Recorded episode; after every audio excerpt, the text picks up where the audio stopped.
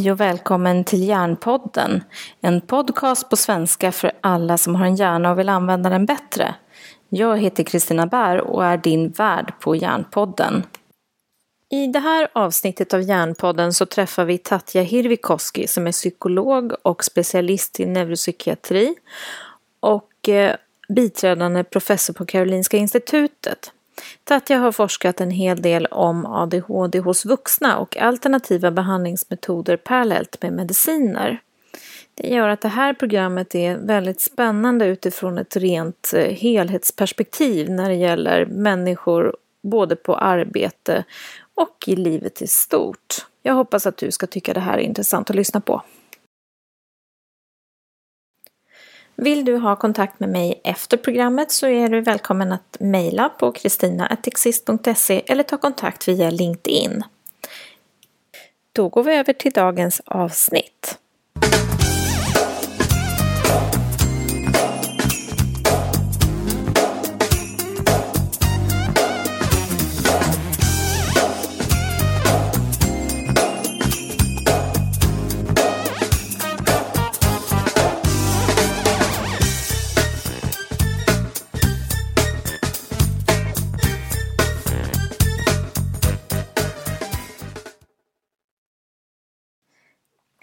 Välkommen till Hjärnpodden. Idag har jag bjudit in Tatja Hirvikoski och vi ska prata om någonting så spännande som icke-medicinska behandlingssätt för ADHD och ADD. Välkommen Tatja! Tack så mycket! Berätta, vem är du? Ja, eh, jag är från början, om man börjar i tidernas begynnelse, ja. så är jag psykolog mm. och eh, specialist i neuropsykologi. Mm. Eh, och sen så började jag också forska väldigt tidigt eh, då under eh, min psykologkarriär mm. och eh, började tidigt också med forskning när det gäller vuxna med ADHD. Mm. Sen har jag disputerat på Karolinska institutet 2011 och idag har jag fortfarande min forskningstillhörighet till Karolinska institutet, till mm. ett ställe som heter Center for Neurodevelopmental Disorders at Karolinska institutet, KIND. Och sen jobbar jag i huvudsaken då inom landstinget som FoU-chef för habilitering och hälsa. Mm -hmm. Så man kan säga att du har både erfarenheten från forskningsvärlden och från den kliniska världen? Ja, men precis. Ah. Det tycker jag är den bästa kombinationen. Så att, ah. För jag vill gärna se att eh,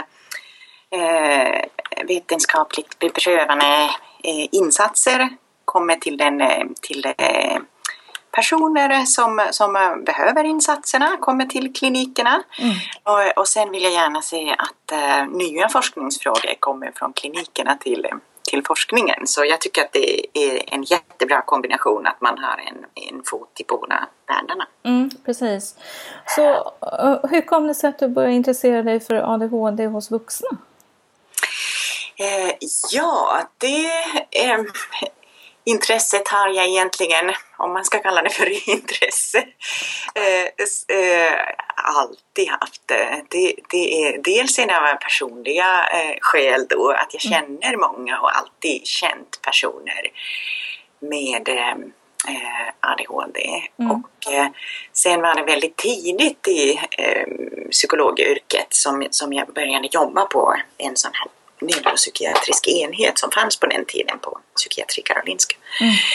Och eh, vi jobbade ganska mycket med utredningar, eh, eller nästan bara utredningar och ställde diagnoser där i början av en enhetens liv. Och så småningom blev vi ganska frustrerade över att vi ställde diagnoser och sen upplevde vi att det var ganska lite insatser som man kunde erbjuda då efter att man hade ställt diagnos och eh, särskilt inte insatser som var beprövade då, vetenskapligt beprövade.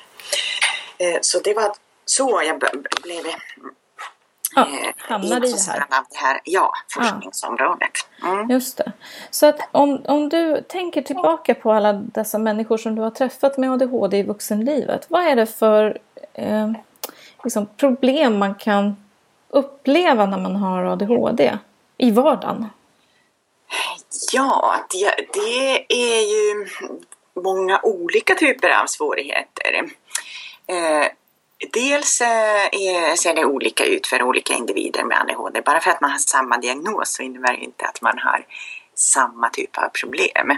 Eh, och dels är det så att eh, ADHD är ganska, ehm, ger ganska genomgripande, omfattande och genomgripande eh, effekter många gånger, dessvärre. Mm. mm. Så att man kan, man kan få kämpa inom många olika livsområden. Mm. Eh, så, så det, eh, tyvärr så är det så för många vuxna med, med ADHD att man får kämpa när det gäller eh, då arbete, ekonomi, det påverkar relationer och familjeliv, föräldraskap, det påverkar förmågan att eh, organisera fritid och intressen. Många kämpar med sömnstörningar och många mår ganska dåligt då. Jag mm. inte undrar varför när man lyssnar på den här långa listan på svårigheter. Att man mår ganska dåligt då, i, åtminstone i perioder. Och, så att, det är ganska många negativa effekter. Mm. Så, eh, och eh, särskilt då givetvis om man, om man inte får hjälp. Just det. Och då tänker jag också det som, det som man då skulle kunna prata om. Jag tänker ofta när jag pratar i skolor om, om ADHD och så att, att det här handlar ju om svårigheter i planering och just strategier för att göra de här områdena som du nu nämner. Arbete, ekonomi, organisera fritiden och, och så. Mm. Ja men precis, exakt. Det, det, vi vet ju mycket väl att eh, ADHD inte innebär att man man har begåvningsmässiga svårigheter. Mm. Man, kan, man, kan, vara väldigt smart. Mm. Så, så man vet oftast exakt vad som borde göras och eh, i, i princip så, så kan man också göra de här sakerna. Men det är just det där med att organisera, planera, organisera, hålla sig till det som man hade tänkt att göra och mm. inte påbörja massa andra projekt. Hålla information, ja. hålla information som man behöver i det aktiva arbetsminnet och använda sig av den informationen och slutföra eh, de uppgifter man hade tänkt sig. Mm. Eh, och så vidare. Eh, och sen, sen eh, alltså liksom någon sorts styrning och kontroll av tänkandets funktioner. Mm. Det, det, är det som är svårt. Och, då sen, tänker jag också att, att just eh, arbetslivet idag bygger på att man gör det här ganska mycket självständigt. Ja men exakt, precis. Om man ska, om man ska jobba självständigt som, som ju krävs eh, då i, inom de eh, flesta på de flesta arbetsplatserna. Det, det ses ju någonting väldigt positivt att mm. man, man jobbar väldigt självständigt. Då, då är det väldigt höga krav just på den här typen av funktioner som man kallar för exekutiva funktioner då, att man allt det här med planera, organisera och stoppa sånt som man inte ska syssla med utan just hålla precis. sig på spåret. Mm. Mm. För jag tänker annars så tar ju saker väldigt, väldigt lång tid om man hela tiden avleder sig från olika idéer hela tiden. Ja, och sen blir det ju för mycket också om man påbörjar andra projekt under tiden och inte slutför. Mm. Och, och det, till sist så sitter man där och det, det blir lätt lite kaotiskt. Mm. Man har så mycket olika saker på gång och eh, har dubbelbokat sig och eh, kommer inte ihåg vad det var man skulle eh, göra och, och, så vidare. Och prata om och, ja. Mm. Mm, precis, och sen, sen är det också så när det gäller de här så kallade exekutiva funktionerna, det, det är inte bara tänkandets eh, styrning och kontroll av tänkandets funktioner utan, utan det, det är ju också eh, känsloreglering som, som, som påverkas. Mm. Eh, och eh, det, det är egentligen lite grann på samma sätt, att man ska kunna mm, styra och kontrollera, reglera eh, känslor och motivation. Mm. Och, och, där tänker jag, jag, jag satt här i veckan och läste en bok om eh, en järnvänlig arbetsplats som kom från Arbetsmiljöverket för ett tag sedan. Eh, och där står det också så tydligt att arbetsgivare är ju skyldiga till att bidra till att vi får en järnvänlig arbetsplats. Men det är ju tydligt när man har neuropsykiatriska svårigheter att här behöver man förstå bättre som arbetsgivare vad man har att göra. Ja, precis. Och då tänker jag att skolan är dålig på det men arbetsplatserna måste jag säga är ännu sämre. Det är absolut så att många arbetsplatser är, är, är ganska dåligt eh, designade för, för personer med ADHD. Man tänker till exempel att eh, sådana här öppna kontorslandskap som, som blir vanligare och vanligare. Eh, mm. Eh, och om man, om man är väldigt ljudkänslig till exempel mm. så blir det otroligt svårt att hålla sig på spåret med egna uppgifter om man hela tiden störs av ljudintryck, synintryck, eh, allt som händer runt omkring. Mm. Och det är ju svårt även för de som inte har ADHD och sitter i ett kontorslandskap.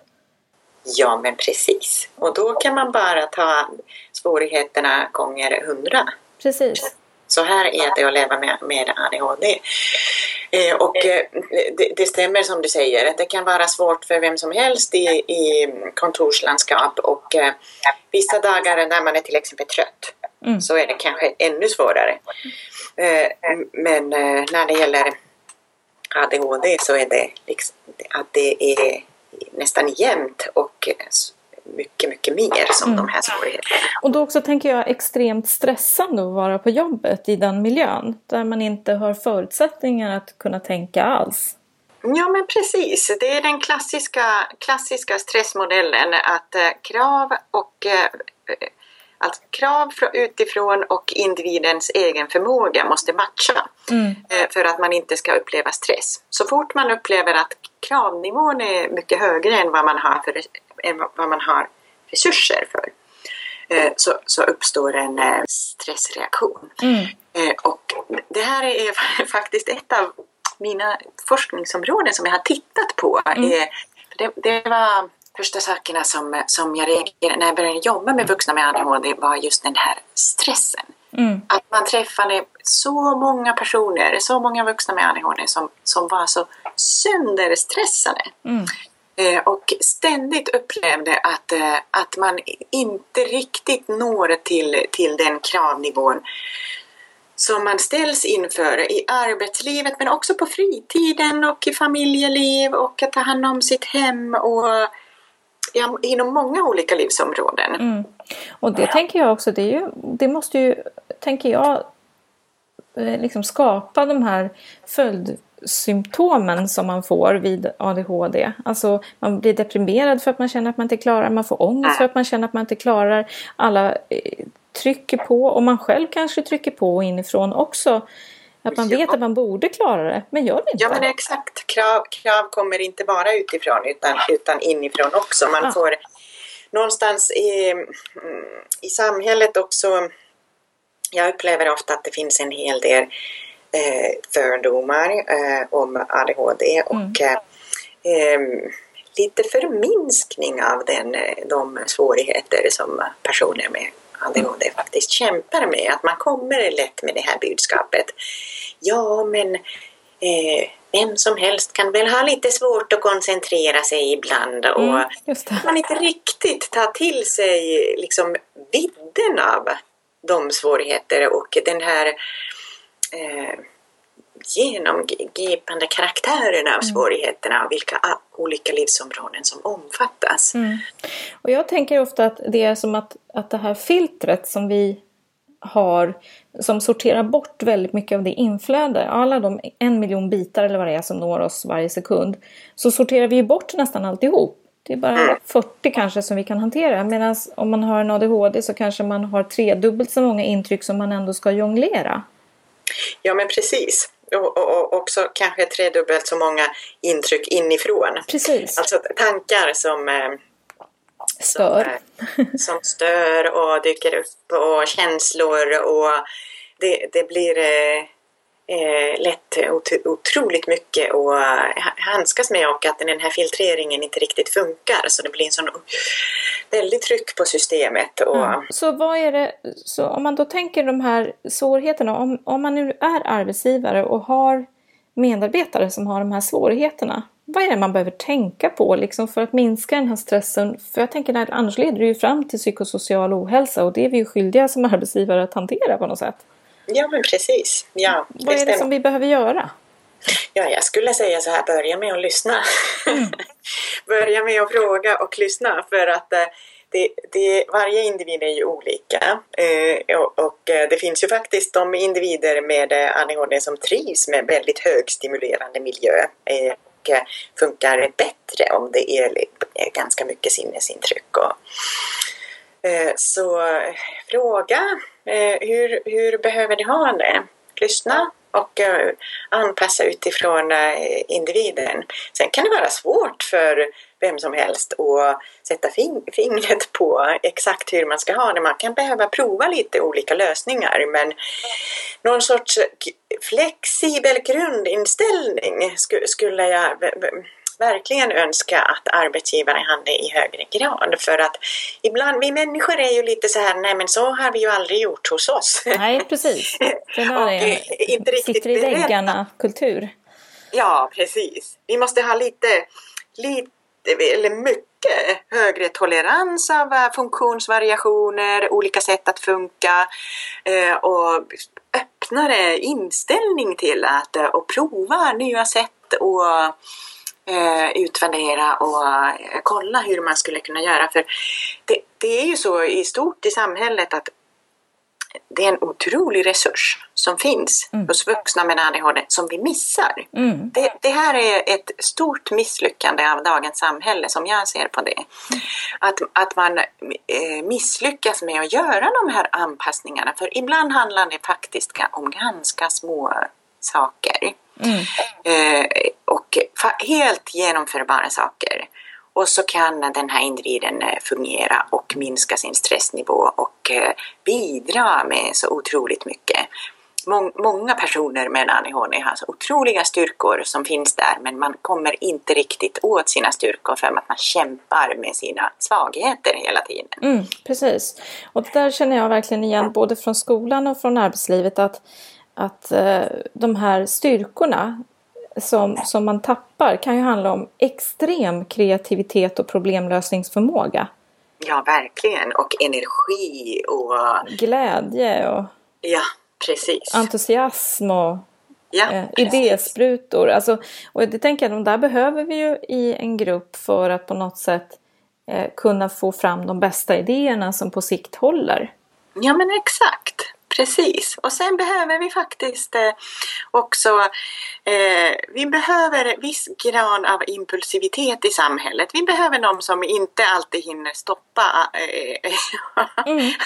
allt som man tänker och Med som förnuft. säger kanske ibland lite, lite oförsiktigt också så här nej men och, och, går mot strömmen och vågar, vågar ta plats. Och, för att eh, det gör ju att vi vi behöver aktivera vårt tänkande och eh, verkligen tänka efter. Ja, men var det klokt och är det verkligen rätt tänkt och så här. Så att vi behöver en viss variation mm. i, i fungerandet bland människor. Jag tror att det är bra för samhället, för en arbetsgrupp och Ja, absolut. Jag tror absolut det. Och jag tänker på några sådana här eh, väldigt framgångsrika personer i världen som har ADHD och dyslexi till exempel. Eh, Richard Branson till exempel. Men då, han trodde väl inte när han var 17 år och startade sitt första skivbolag att han skulle ha, eh, inte vet jag hur många flygbolag han har mm. nu. Exakt, men, precis. Men hans eh, liksom förmåga att våga och också att se människors styrka utifrån sina egna eh, svårigheter på något sätt. Ja, precis. Har ju också gjort att han har enorm eh, företagarförmåga. Ja men precis, eller, eller de här framgångsrika idrottsmännen som Michael Phelps och Usain Bolt. Eh, när, när man väl eh, hittat ett sammanhang som man trivs med och eh, man, man har uppgifter som, som man verkligen älskar så går man in med en energi som mm. de flesta saknar och där finns uthållighet när, när uppgiften känns motiverande och kul. Mm man, man har eh, då eh, en eh, förmåga att hyperfokusera på det som man, och man ger sig aldrig. Mm. Och en sak som jag tycker är väldigt spännande när man sitter med med medarbetare eller personal eller sådär, det är ju att också fråga om vad är det som gör att du blir motiverad att gå till jobbet? För det kan ju hos de här individerna handla om att inte bli uttråkad. Ja, men precis. Ex exakt. När man har den här svårigheten att reglera känslor, reglera, reglera sin motivation, eh, så, så är man ju lätt eh, dessvärre lätt uttråkad. Om inte uppgiften motiverar så har man jättesvårt att själv ta fram eh, motivation, in, hitta liksom inifrån. Mm. Eh, och eh, det, det, är också någonting som man många gånger behöver anpassningar för faktiskt. Just det, precis. Mm. Så att behålla motivationen och också prata om det tänker jag. Alltså vad, vad är det som gör att motivationen nu tröt? Vad är det vi behöver göra för att du ska känna entusiasm? Exakt, hur kan man skapa variation eller ja, vad är det som behövs för att eh, få stöd i det utifrån som man har väldigt svårt att ta fram inifrån. Ja, precis. Eh, så om vi ska tänka lite grann på vad det är för då svårigheter som man kan ha, de här kognitiva förmågorna, så pratar vi om det här med planering och strategi och fokus uthållighet. Eh, och motivation. Mm. Om man vill jobba med de här, med eller utan mediciner, mm. vad, vad, tänker du att man skulle kunna börja med? Vi, vi har jobbat med, med en eh, vad ska man säga, behandlingsmodell där man tänker då utifrån de rekommendationer som finns eh, i sådana här kliniska riktlinjer internationellt och i Sverige från Socialstyrelsen. Att man jobbar multimodalt som det heter. Alltså att man kombinerar då farmakologisk behandling och eh, icke-farmakologiska insatser utifrån individens behov. Mm. Eh, och eh, för vuxna med ADHD så eh, är min erfarenhet då att eh, man eh, direkt efter ställd diagnos ofta tar tittar på farmakologisk behandling och mm. sen, sen eh, är det många som behöver stöd med struktur i vardagen. Det kan vara till exempel stöd från en arbetsterapeut och, eh, och eller boendestödjare. Alltså stöd, stöd i, ja det här eh, som vi pratade om, eh, att det lätt kan bli lite kaotiskt i vardagen och eh, behöver hjälp med att skapa skapa struktur. Just det, jag tänker, det, kan, det tänker man inte på liksom att det skulle vara en svårighet att planera en veckomatsedel och samtidigt handla hem det där. Ja, precis. Och sen tillkommer allt annat eh, som att komma ihåg ungarnas gympapåsar och aktiviteter. Just det. Ja, ja allt. Betala räkningar och sen är det jobbgrejer och det där mejlet skulle man bara titta på också mm. mitt i middagen. Och, ja, mm. Allt det här. Uh, och sen för, förutom läkemedelsbehandling som, eh, som hjälper ganska många, åtminstone till en viss del. Mm. Eh, och, och eh, hjälp med strukturen. Mm. Så är min, min erfarenhet att må, många också ganska tidigt i processen eh, efterfrågar information eh, och, och eh, kunskap om funktionsnedsättningen i sig. Vad är ADHD? Och ja, man behöver ju veta vad det finns för stöd och hjälp och insatser och eh, många närstående behöver också få information och mm. Eh, förståelse för vad, vad det innebär att kämpa med de svårigheter. Och... Så att man kan säga att det är flera delar här som, som är eh, förutom, förutom själva medicinen så behöver man veta om att man behöver ha den här stödstrukturen kring sig. Många är väldigt medvetna om att man, man har eh, svårt för eh, planering och organisation och struktur i, i vardagen. Men, men det är också ganska många som faktiskt inte eh, har fått information om var man kan söka hjälp för det. Hur, hur kan man göra då? För, för att man får inte till det på egen hand. Man har kanske försökt redan i 30 års tid eller 40 års tid att skapa den där strukturen. Man har provat allt.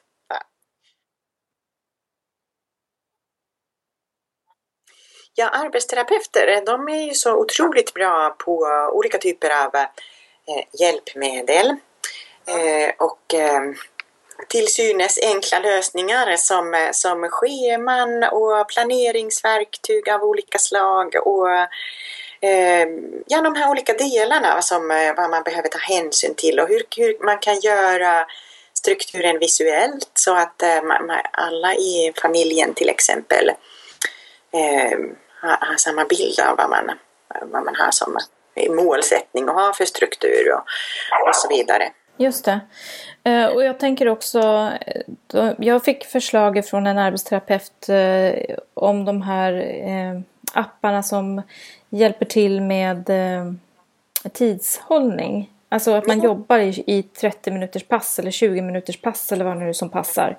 Ja, precis. Och strukturerar liksom när man ska vara koncentrerad och när man kan ta paus. Mm, exakt. Och sen, sen är arbetsterapeuter också bra på när det gäller just uh, den här typen av hjälpmedel, när det, till exempel att uh, organisera sin tid, mm. så, så har de olika typer av uh, alternativ. För en del funkar en app, för, för någon annan så måste det vara um, ja, någon, någon, annan typ av verktyg. Ja, ja precis. Ja. Ja. Så, så Ja, och sånt, sånt kan arbetsterapeuter och eh, man behöver ofta det här stödet i hemmet faktiskt. Mm. Att, att det blir väldigt konkret. Just det. Och, och då funderar jag också på, finns det, finns det någon särskild eh, samtalsform som funkar bra för ADHD som man har nytta av? Som vi vet? Eh, det som vi har jobbat med är en sån här kurs för vuxna med ADHD och deras närstående mm. Eh, eh, som vi kallar för Pegasuskurser. Och det, det, är, det är snarare en utbildning än en, en samtalsgrupp. Men man går en kurs där man lär sig om sin, sitt sätt att funka och ehm, det är för både närstående och eh, vuxna människor, man går tillsammans då. Eh, man får samma information och man får tips eh, om vad det finns för stöd och insatser och, och så är det en del diskussioner, man får höra om andras erfarenheter, ganska många tillfällen till erfarenhetsutbyte och ja, det är till att öka kunskap och, och också skapa en gemensam grund för den vuxna med ADHD och närstående. Mm. Man har delad eh, förståelse för vad det, vad det innebär att leva, leva med det. Precis. Och, och, och, då tänker jag så här, om man har gått en sån kurs hur, eh, och haft möjligheten till det, finns det liksom spritt över landet de här Pegasus-kurserna eller likvärdigt? Det finns eh, lite på olika håll. Eh, ehm, in, inte så att det finns överallt i landet men eh, ja, det börjar väl finnas på ganska många, i, ganska många håll ändå. Pegasuskurser eller motsvarande eh, kurser mm. för med ADHD. Och hur, får man, hur får man kontakt med dem? Det är allra oftast är det, är det eh, öppen psykiatrin som har de här kurserna. Det är mm. alltså i princip eh, antingen samma ställe där man ställer eh, diagnos, samma mm. mottagning som har kursen också eller, eller eh, mottagning inom samma klinik då som, som har eh, uppföljningen efter mm. ställd diagnos. Så att man kan säga att om man, om man har den här problematiken och fått sin diagnos så ska man fråga efter det om man inte har redan gjort det. Mm, man kan fråga efter eh, en, eh, en kurs för sig mm. själv och eh, närstående. Mm. Precis. Sen finns det ju andra insatser. Det, det, är ju liksom, det är lite grann grunden, den här typen av kurser. Ja. Sen finns det andra insatser som är mer krävande, mer färdighetsträningsinriktade, mm. där, man ska, där man jobbar mer aktivt med de beteenden som man vill ändra på och eh, lär sig färdigheter och, och, och, och handskas med, med olika typer av svårigheter och mm. också jobbar mycket med medveten närvaro och som är stressreducerande mm. metod. Eh, och, eh, men då, då jobbar man mycket, lite längre tid och mm. mer omfattande såklart. Och, ja, mm. det, det, är liksom mer krävande insatser. Mm. Men som också hjälper eh, ganska många. Om vi ska sammanfatta vad som finns för möjligheter att jobba om man nu tänker sig parallellt med medicinerna så finns det en del sådana här eh, kurser, det finns arbetsterapeuter, det finns hjälp med rent praktiskt boendestöd och eh, stödstrukturer. Eh, och också att ha tillräckligt med kunskaper för sig själv och färdighetsträning. Ja precis. Det, det är ju så idag att eh, eh vuxna med ADHD och närstående de måste eh, i dagens samhälle själva skaffa sig kunskap och mm. eh, vara väldigt aktiva i det här. Mm ni hörde ju direkt att eh, ja, men var det inte det som var svårt att organisera och eh, Precis. samordna? Ja, eh, så det, det, här är ju för många lite moment 22, att man, ska, man ska samordna kontakter och hitta information och det var ju precis det som var så svårt. Då. Precis. Så, så den här sa, samordningen av olika insatser och det, det det, det är ett, eh, många skulle egentligen behöva någon typ av coach eller hjälp med samordning. Men, men äh, inte, inte minst eh, när det är frågan om familjer där det kanske finns en, en eller två föräldrar med ADHD och kanske då barn med, med ADHD. ADHD. Precis. Ja, och då, då är det många kontakter Ja, det glömmer man ofta ifrån skolvärlden att det är ofta så att det går i samma familj. Så att de barn som vi upptäcker med ADHD, det finns ju kanske troligt minst en förälder som också har ADHD. Som har svårt med strukturen och har svårt med gympapåsar och att här behöver man ju hjälpas åt i hela kedjan. Exakt, och så, och så ställer man kanske, man har kanske alldeles för höga förväntningar mm. på, på den föräldern. Eh, när, när det gäller de bitarna. För att det, det kanske är en förälder som själv kämpar med precis samma svårigheter mm. eh, med att eh, organisera och strukturera vardagen och eh, man fixar inte det helt enkelt. Det blir ibland så att man tolkar fel eh, de här svårigheterna som antingen illvilja eller Ja, att, att de struntar i eller mm. att de inte bryr sig eller Eh, ja, det finns en del eh, fördomar och eh, ehm, faktiskt en hel del stigmatisering, negativa uppfattningar om, eh, om eh, personer med eh, ADHD, tyvärr. Och det här tänker jag, det här är ju en av mina anledningar till att jag driver Hjärnpodden. Att jag vill öka kunskapen om eh, hur vår hjärna funkar i stort men i synnerhet när vi har svårigheter. För att jag tänker att den når ut till väldigt många människor.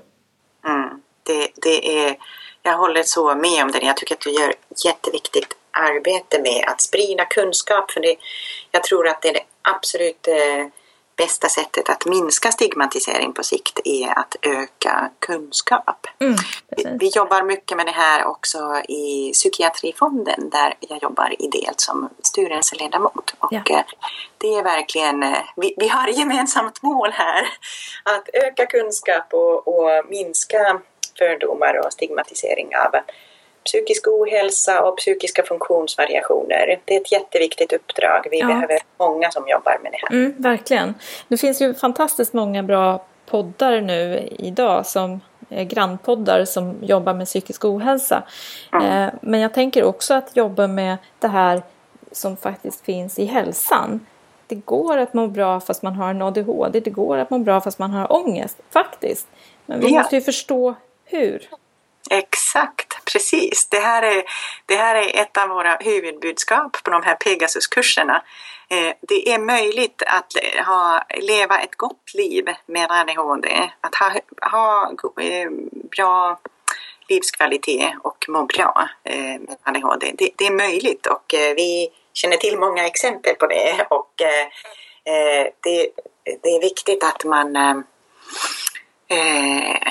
ja, att man, man får det här budskapet, att kursen inger hopp om att eh, man kan ändra sin situation. Precis. Och, och, och, så tänker jag också att, att jag skulle på något sätt önska att arbetslivet blir lite mer vänligt eh, mot människor med neuropsykiatriska svårigheter. Att vi förstår att, att vi är olika och det är en positiv sak att vara olika.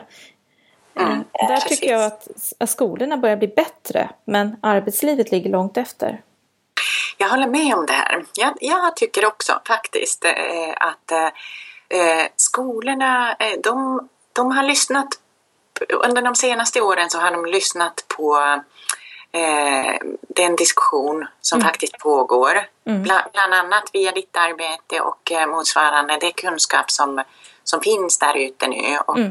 Eh, skolorna har tagit till sig en hel del och eh, eh ver verkligen arbetar aktivt. Mm, med inkludering, se till att alla får vara med, se till att anpassa pedagogiken ja. efter att eh, liksom alla ska ha struktur.